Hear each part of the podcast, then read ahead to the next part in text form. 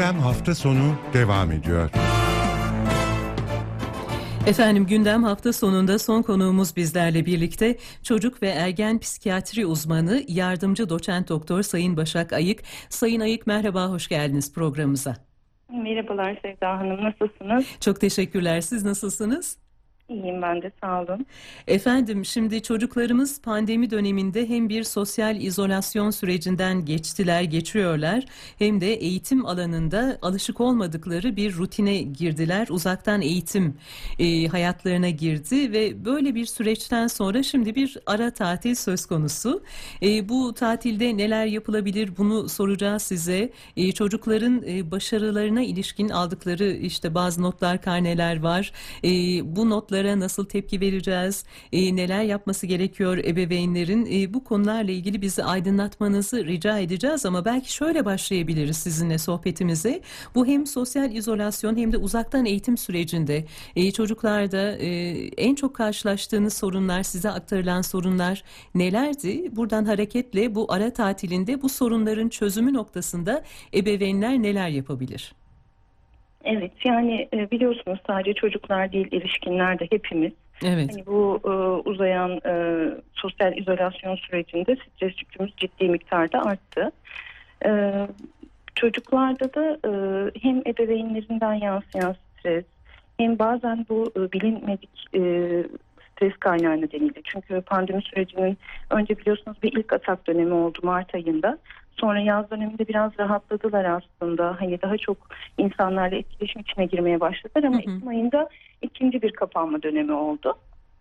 Ee, tabii ki biz erişkinler olarak daha çok bilgi sahibiyiz ama çocuklar bazen hani ne olacak bu ne kadar sürecek hani o bilinmezlik durumu aslında direkt kaygıyı doğuran bir şey.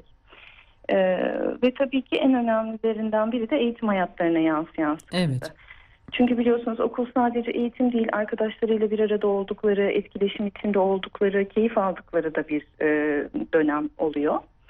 Ee, çok e, yani birçok aksaklıklar yaşandı Sevda Hanım. Evet çocukların yani, hiç alışık olmadıkları bir de e, şöyle bir e, çatışma da yaşandığını aslında tanık olduk evlerde. Pandemi öncesinde çocukları işte bilgisayarın televizyonun başından kaldırmak için uğraşan ebeveynler söz konusuydu. Fakat maalesef bu uzaktan eğitim sürecinde artık çocuklarla bilgisayarlar ve televizyon ayrılmaz bir bütün haline geldi ister istemez. Evet maalesef hani iletişimin, sosyal iletişimin e, yeni e, şekli oldu. Evet. Hani, e, Birçok bir erişkinde biliyorsunuz online toplantılar yapılıyor, uzaktan hı hı. E, görüntülü toplantılar yapılıyor. Çocuklarda da hem eğitim bu şekilde uzaktan eğitim şeklinde internet üzerinden bir de maalesef e, tabii daha önceden de oyun ve internet düşkünlüğü olan çocuklarımızın bu dönem daha çok bu online oyunlara e, bağımlılık demeyeyim ama e, online oyunlarda geçirdiği vakit süresinde de artış oldu. Hı hı. Yani ciddi bir ekran maruziyeti. Hani bizim aslında çocuk ve ergen psikiyatristleri olarak hiç sevmediğimiz, hani e, birçok anne babaya da bu konuda öneriler yaptığımız ve sınırlı olmasını istediğimiz ekran maruziyeti pandemi döneminin getirdiği en önemli yüklerden biri maalesef. Evet. Peki efendim şimdi bir ara tatil dönemine girildi. 3 hafta sürecek. E, bu dönemde neler tavsiye ediyorsunuz? Çocuklar nasıl rahatlasınlar? Ebeveynlerin onlara yaklaşımı ne düzeyde olsun? Hı hı. Yani şöyle tabii ki 3 haftalık bir ara tatil ama bu 8. sınıflar için bir istisna. Onlarda sadece bir haftalık bir tatil süreci hı hı. olacak. Yani ben tabii ki birçok çocukla ve ergen e, gençle görüşmeler yapıyorum. Ee, açıkçası şöyle soruyorum hani planın ne? Ama e, böyle genellikle sorumluluk sahibi gençler işte eğitimle ilgili planlar yapıyorlar. Çünkü bu e, aksayan süreçte en çok yakındıkları şeylerden biri hani öğrenemiyorum. Hani evet orada bir uzaktan eğitim sistemi devam ediyor ama benim birçok bir konu eksiğim var ve ben oturup onları kendim çalışmak zorundayım. Ve gerçekten hani o genç sorumluluk sahibi olan çocuklarımda ben hani kendilerine ödül veya rahatlamaya yönelik herhangi bir program duyamadım. Yani burada birazcık ebeveynlerden yardım isteyeceğiz. Ee, şimdi biliyorum onların da e, çalışmaya devam ettiği bir dönem olabilir bu. Yani çocukların okul tatili illa ebeveynlerin tatili olacak diye bir kural yok. Hı hı. Ama bazı anne babalar kendi izin dönemlerindeki kullanacağı hakları bu döneme denk getiriyorlar. Bu iyi bir şey. Hani belli bir izinleri varsa bu dönemde bu 3 hafta içerisinde kullanmaları yine e, hem kendi streslerinin azalmasına hem çocuklarıyla daha kaliteli ve etkileşim içinde olmalarına e, fayda sağlayacak. Sayın Ayık, burada bir parantez açmak istiyorum. Şöyle bir iki dakikamızı şuna ayıralım. Peki bu dönem ebeveynlerle e, çocuklar arasındaki ilişkiye nasıl yansıdı? E, Çünkü e, daha e, sürekli bir arada olmayı gerektiren bir süreç. Okul ve okuldaki arkadaşlar bu denklemden çıkmış durumda. Bir de ebeveynlerin aslında çocuğun ders çalışması yönünde e, katılımı, işte baskısı da zaman zaman diyebiliriz herhalde söz konusu. İlişkilere nasıl yansıdığını gözlüyorsunuz? Yani maalesef gerginlik olarak yansıyor Sevda Hanım. Öncelikle aileler hani bir süre işte böyle e, beklentileri karşılamaya çalışıyorlar. İşte çocuğun dersini takip etmeye çalışıyor. E, ödevlerini yaptın mı, işte çalıştın mı, sınavlar olacak ama bir süre sonra veya e, internet oyun bağımlılığı olan çocuklara sürekli uyarı, uyarılar. Hı hı. Ama süre uzadıktan sonra onlarda da bir pes etme süreci gördük maalesef.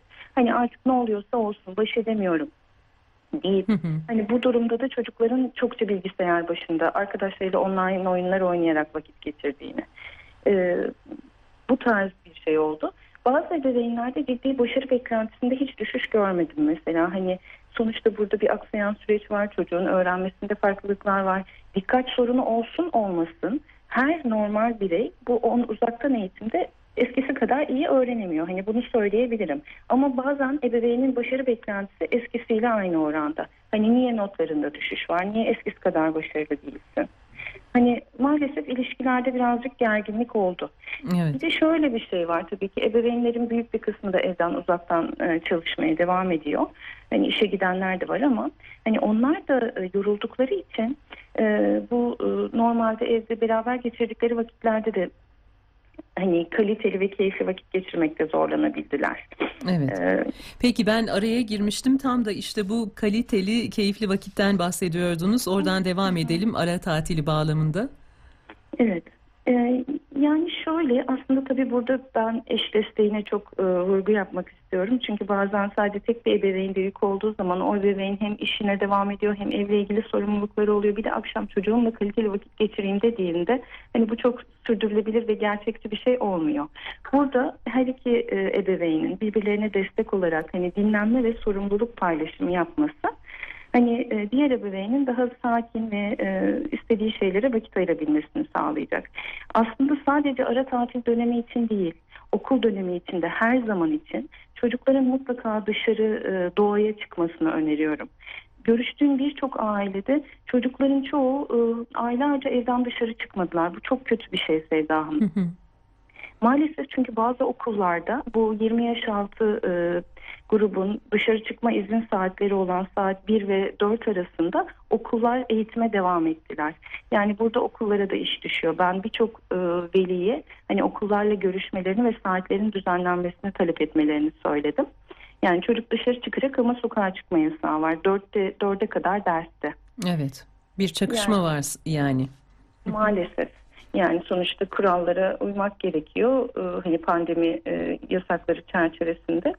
Ee, yani ara tatil için değil her zaman için. Haftada en az 4 veya 5 gün açık havada etkinlikler. Yani hiçbir şey yapamıyorlarsa yürüyüşe çıkarma veya park, e, bahçe gibi yerlere götürme.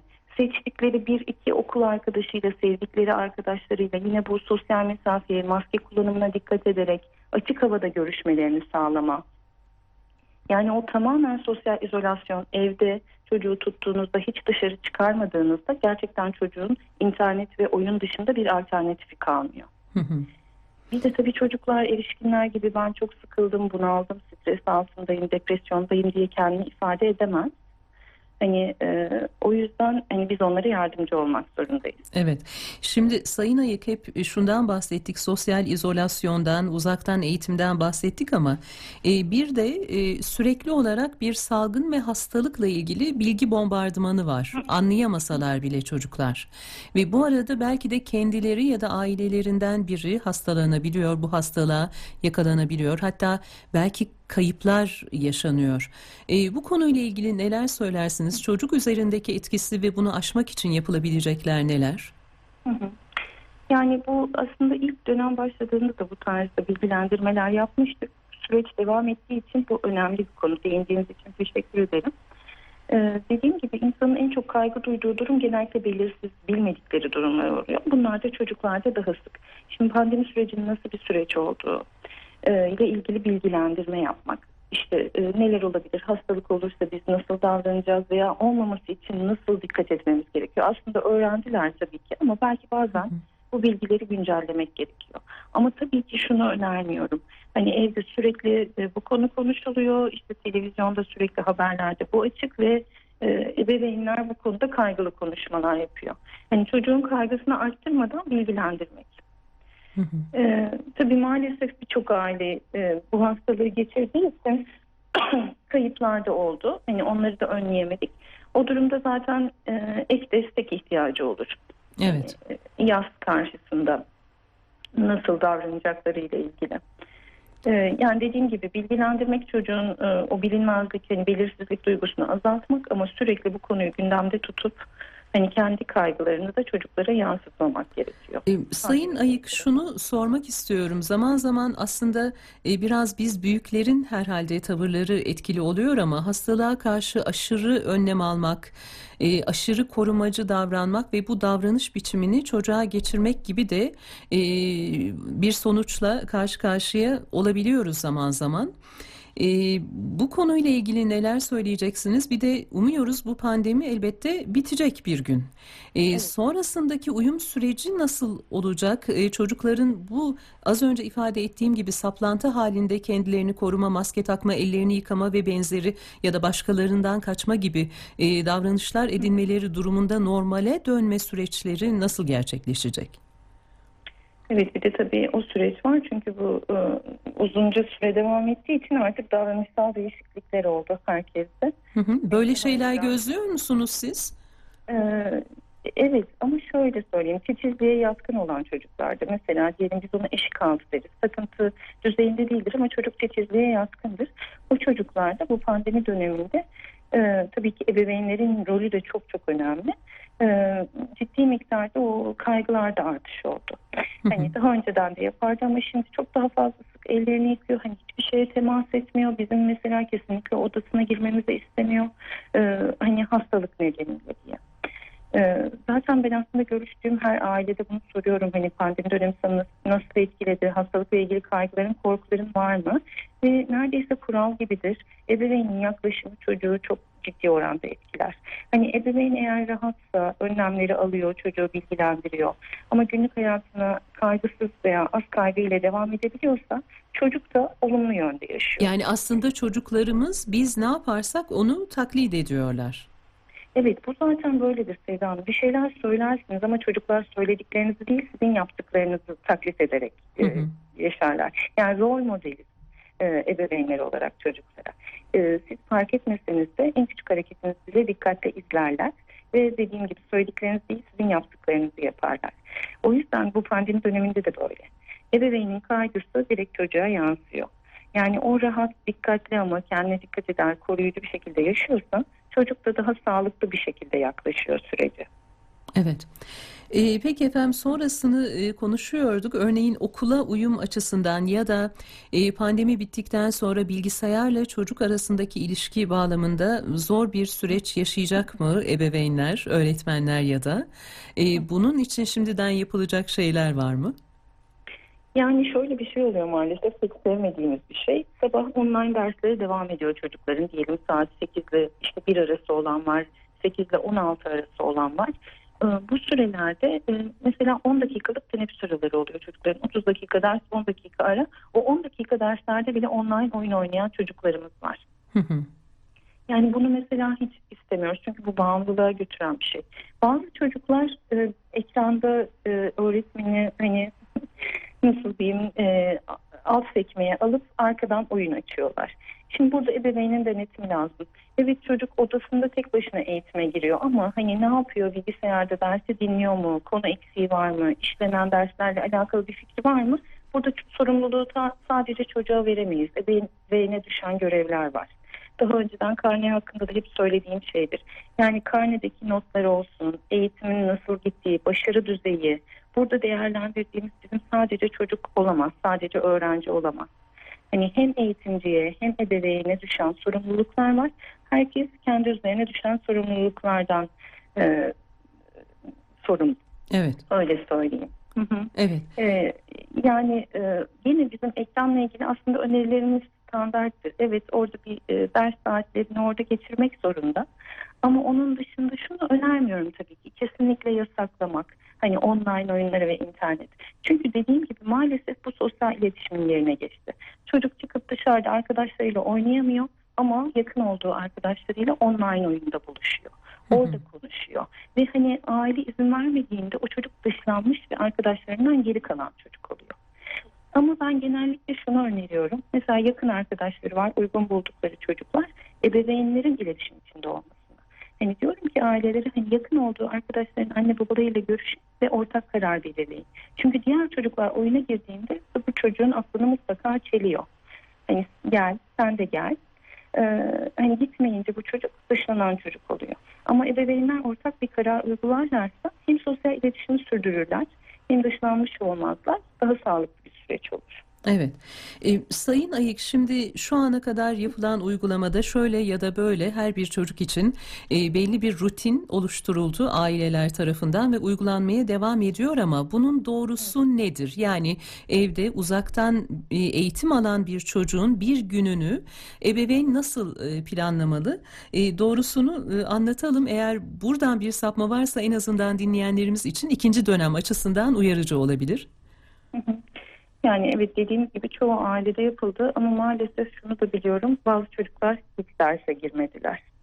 Hı hı. Yani e, çünkü yoklama sisteminin nasıl işlediği belli değil. Veya şöyle bir şey oluyor. Çocuk derse girmeye başlıyor. Diyor ki hani bizim sınıftan 10 kişi hiç girmiyor. Daha çok maalesef devlet okullarında oldu. Çünkü biliyorsunuz öğretmenlerin de üzerinde fazla yük oldu bu dönemde. Hani onlar da ellerinden geleni yaptıkları halde aksayan şeyler var.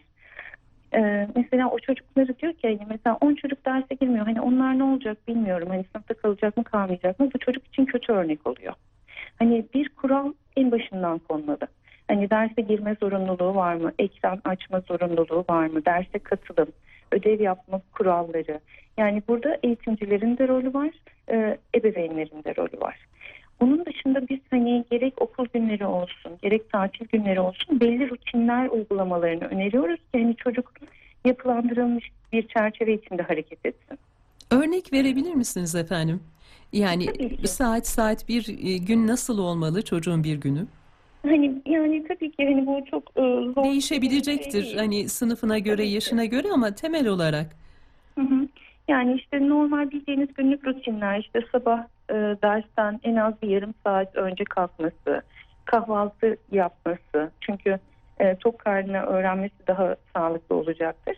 Ondan sonrasında ders saatlerine katılması, o e, ders aralarında ekran maruziyeti olmaması çocuk çünkü dinlensin diye veriyorlar o teneffüsleri. E, öğlen arasında yine e, öğlen öğününü alması, hani beslenme, Orada artık ebeveyn veya başka yardım aldıkları kişiler sağlayacak bunu. Dersler bittikten sonra bazen çocuklar online oyuna giriyorlar. Onu önermiyorum. Hani o ekran maruziyeti sonrası belli bir dinlenme süresi. Hı hı. Dinlenme süresi sonrası hani varsa o günün yapılacak ödevleri veya tekrar edilecek konuları hani bir, bir buçuk saatlik bir süre. Ondan sonrasında serbest zaman.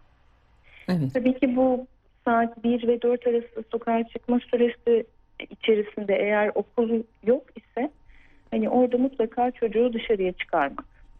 Evet. Şimdi serbest zamanda e, çocuğu dışarıya çıkarmak bir seçenek ama bu yapılamıyorsa e, bu serbest zamanda e, çocukla beraber ya da çocuğun yalnız başına hangi tür e, etkinlikleri yapmasını önerirsiniz? Hı hı. Yani bu tabii ki yaş grubuna göre çok fazla değişebilecek bir şey. Bir de tabii çocuğun kendi e, sevdiği şeylere göre. İlgi alanlarına göre. Evet. ilgi alanlarına göre kesinlikle. Mesela o çocuk resim yapmayı seviyordur. Ee, anne veya babasıyla oturup beraber resim yapabilir. Ama çocuk mesela hareketli oyunları seviyordur. Ee, babasıyla top oynayabilirler. Hı hı. Ee, veya müzik dinleyip dans etmeyi seviyordur. Onu yapabilirler. Aslında burada ben daha çok şunu merak etmiştim. Serbest zamanında da bir şekilde televizyon ya da bilgisayarla ile- e, meşgul olmak isteyen çocuklar için e, sağlıklı mıdır?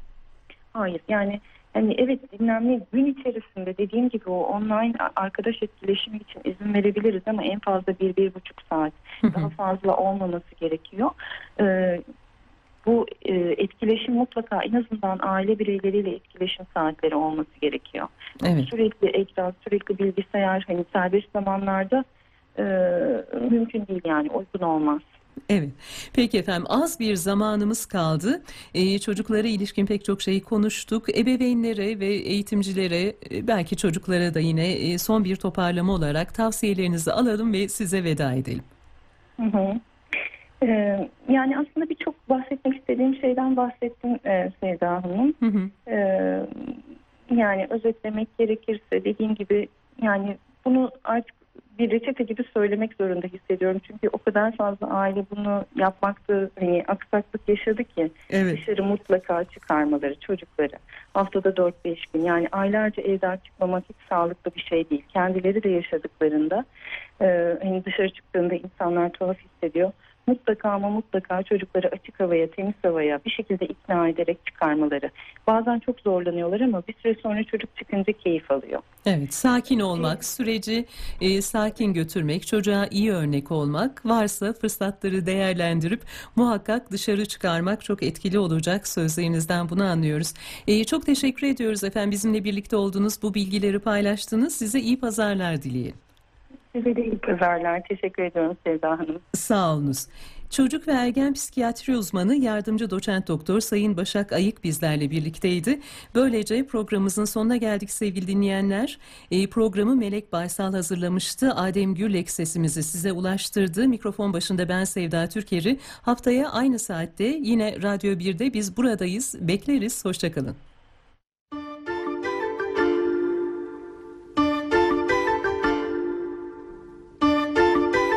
Gündem hafta sonu.